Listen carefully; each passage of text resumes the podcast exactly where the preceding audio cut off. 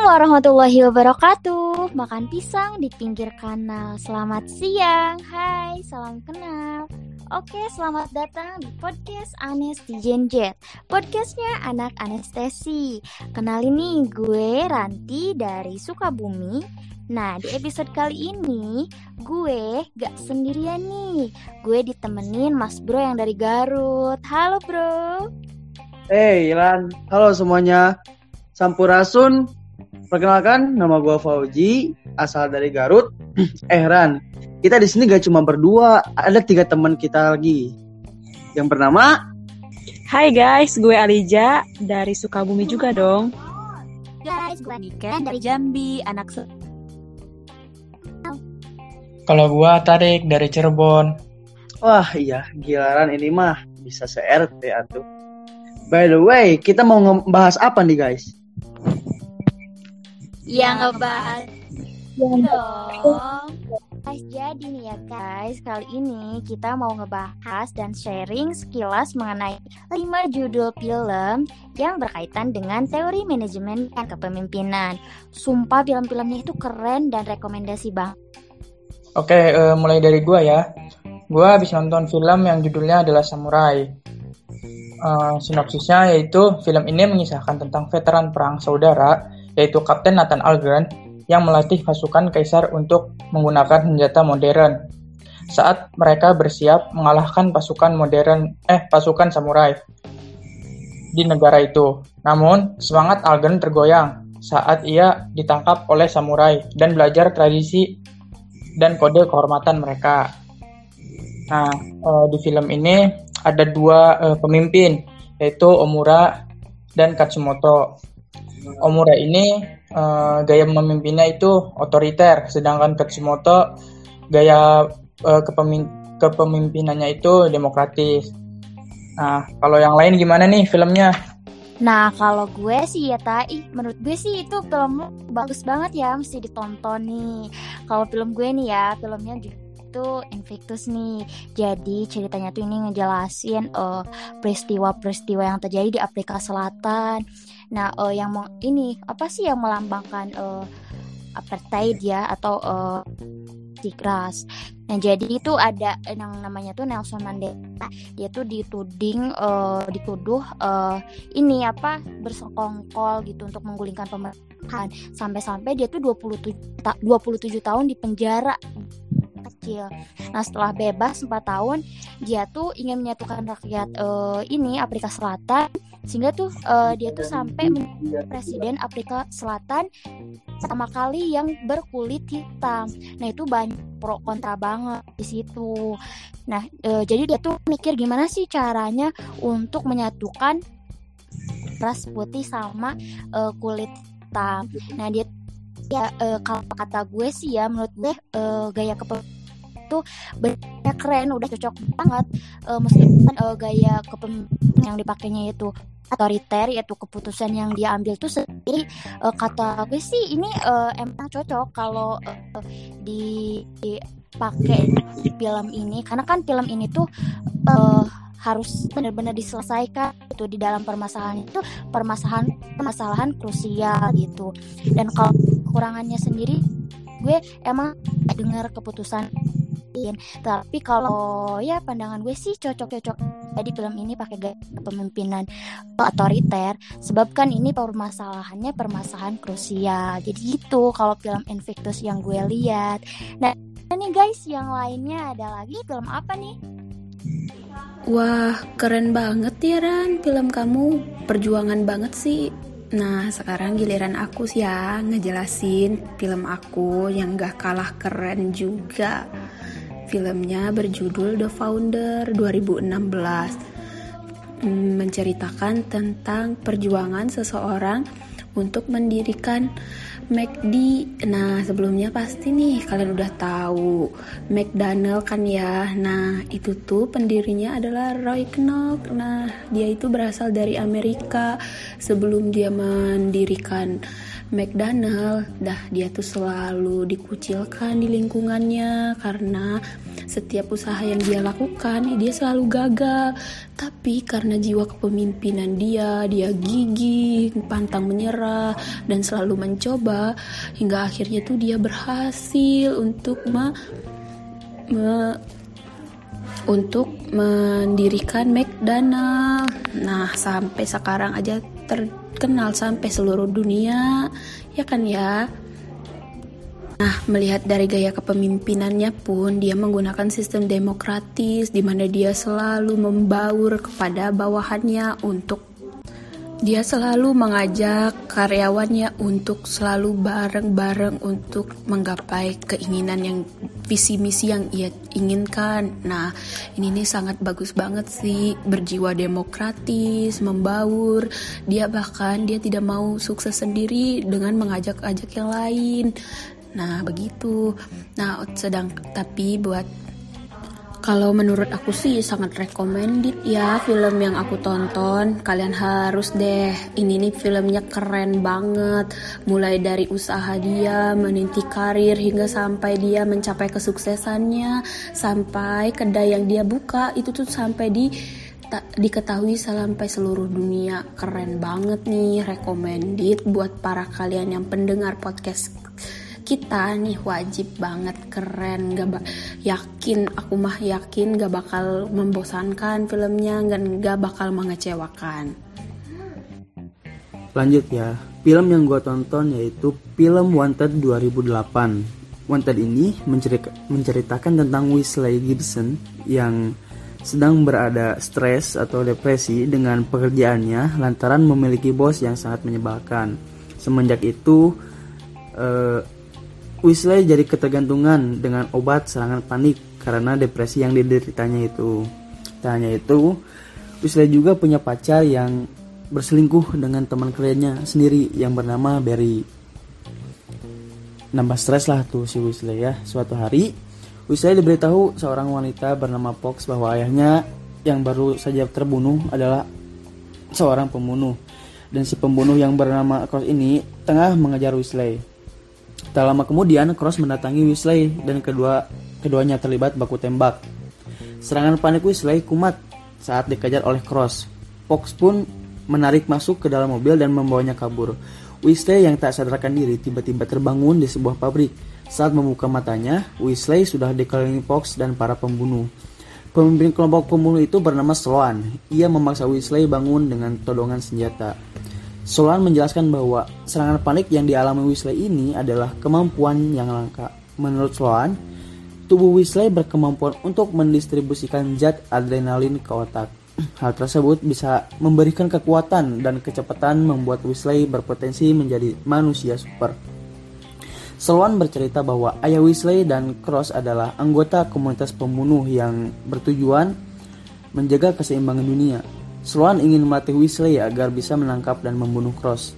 Lagi-lagi, Weasley malah kena serangan panik dan meninggalkan gedung itu menuju apartemennya.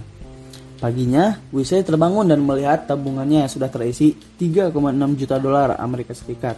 Weasley pun langsung bersemangat dan pergi ke kantor untuk menghina bosnya di depan seluruh karyawannya. Ia juga memukul wajah Barry dengan keyboard komputernya. Weasley segera menjalani hari-harinya untuk latihan fisik di bawah uh, perintah Fox, Wesley juga belajar mengendalikan dan menggunakan senjata api.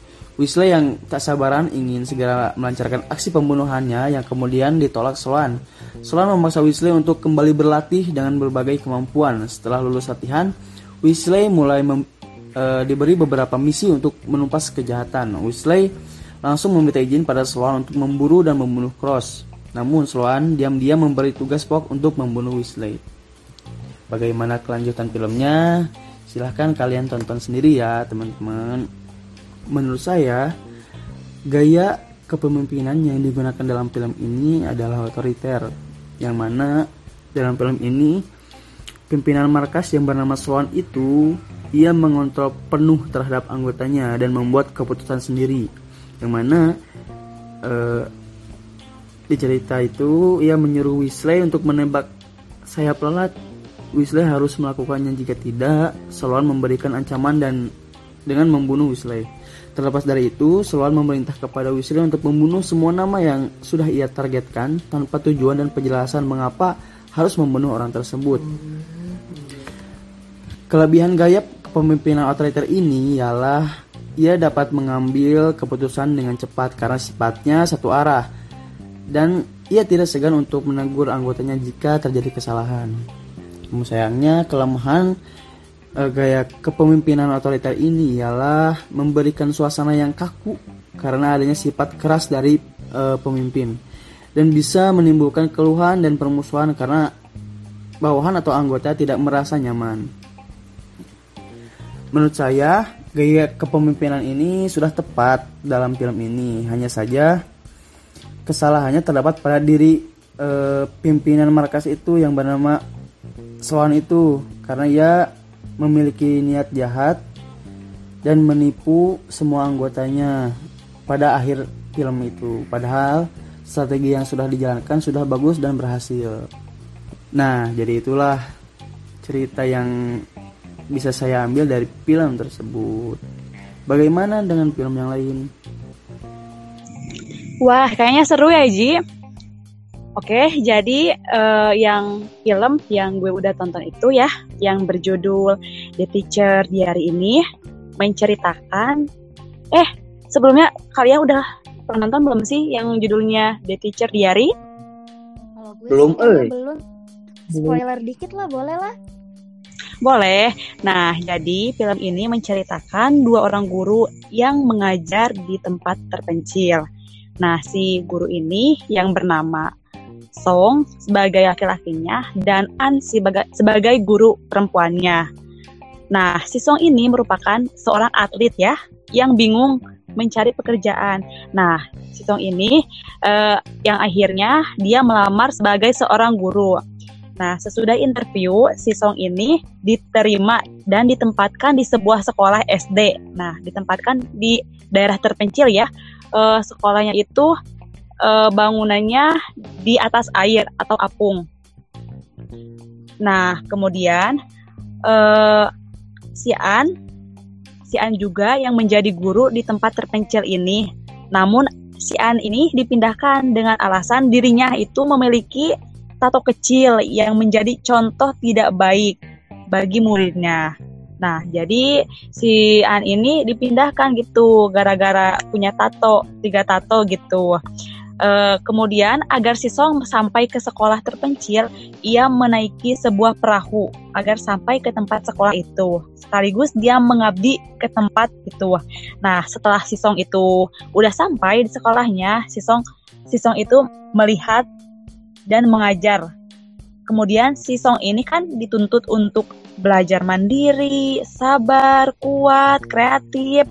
Nah, ketika si Song sudah mulai mengajar, berbagai masalah datang. Entah itu dari muridnya, contohnya itu kan ada murid yang nakal gitu, mengenai percintaannya juga, dan sebagainya. Hingga akhirnya si Song mulai putus asa dan berpikir tidak ingin lagi mengajar di uh, desa terpencil di sana uh, suatu ketika uh, Song menemukan buku diari yang dimiliki oleh An, seorang guru yang sebelumnya kan pernah mengajar di sekolah tersebut.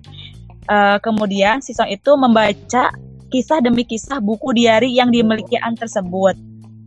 Alhasil, berkat buku diari tersebut, membuat Song semangat dalam mengajar murid-murid serta melakukan apa yang An telah dilakukan sebelumnya ya.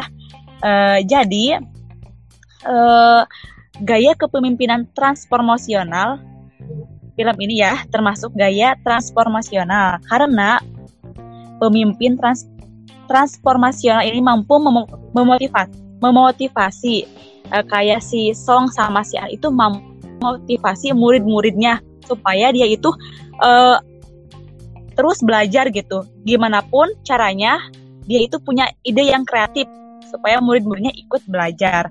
Nah, terus uh, uh, dan juga menginspirasi pengikut serta mengarahkan perubahan positif dalam murid tersebut. Nah, uh, para pemimpin berdua itu cenderung cerdas secara emosional, baik energi dan penuh gairah. Mereka tidak hanya berkomitmen juga untuk membantu organisasi, yaitu sekolah tadi kan. Uh, untuk mencapai tujuannya, tetapi mereka juga membantu murid-murid memenuhi potensi mereka. Nah, jadi gaya kepemimpinan ini menghasilkan kinerja yang lebih tinggi murid-murid yang lebih baik meningkatkan kesejahteraan. Hanya saja ya guys, eh, kekurangan dari eh, gaya kepemimpinan ini yaitu mereka tuh kurang atau kurang mempunyai prinsip teguh ya Eh, seperti yang si An itu yang tadinya tidak mau mengajar jadi mau mengajar gitu kemudian kelebihannya itu yaitu eh, dia memotivasi murid-murid juga gitu mungkin segitu guys Wah, benar-benar. Wah. Benar banget ya Ji, diceritain banget. Jadi kita udah Memang detail gambaran. banget itu Iya, mah, Iya memang. banget. Nah, oke guys. Memang keren-keren ini Ran filmnya ya. Hmm, banget. Dari awal tuh ya dari Emang sih film-film semua itu ya menceritakan eh, kepemimpinan dan kepemimpinan banget. Jadi eh, benar-benar jelas sih kita tahu gitu yang dinamain dengan eh, style obsessive ya kan? Betul, Iya betul, sih, betul, betul, betul. Setuju banget sih kalau itu mah dari kita nonton film jadi nambah wawasan ya mengenai pimpinan gitu. Ya setuju, setuju banget. Ya guys, eh, gua harap sih setelah kita membahas film yang berkenaan dengan teori manajemen ini, eh, melalui podcast ini kita semua termasuk para pendengar setiap podcast Anesti Genjet bisa lebih paham mengenai manajemen dan kepemimpinan. Salah satunya macam-macam gaya kepemimpinan. guys dan tentunya kalau belajar tuh gak hanya dari buku aja ya nah termasuk yang tadi kita tonton contohnya film juga memiliki hal positif untuk acuan belajar loh Nah, Benar-benar banget. Wah, Iya, kiranya guys. Nah, Sudah sih, mending sudah ditutup dulu begitu ya. Mungkin lain kali ketemu lagi. Iya, Dan benar. guys tonton yang tadi bisa di list Ji ada Invictus terus The Founder. Apalagi? Ada Murai. Ada Wanted 2008. ada juga The Teacher Diary Paling itu saja film rekomendasi dari kita. Jangan lupa ditonton ya teman-teman. Saya perwakilan dari teman-teman podcast ingin mengundur diri. Mohon maaf apabila ada kata-kata yang salah. Terima kasih.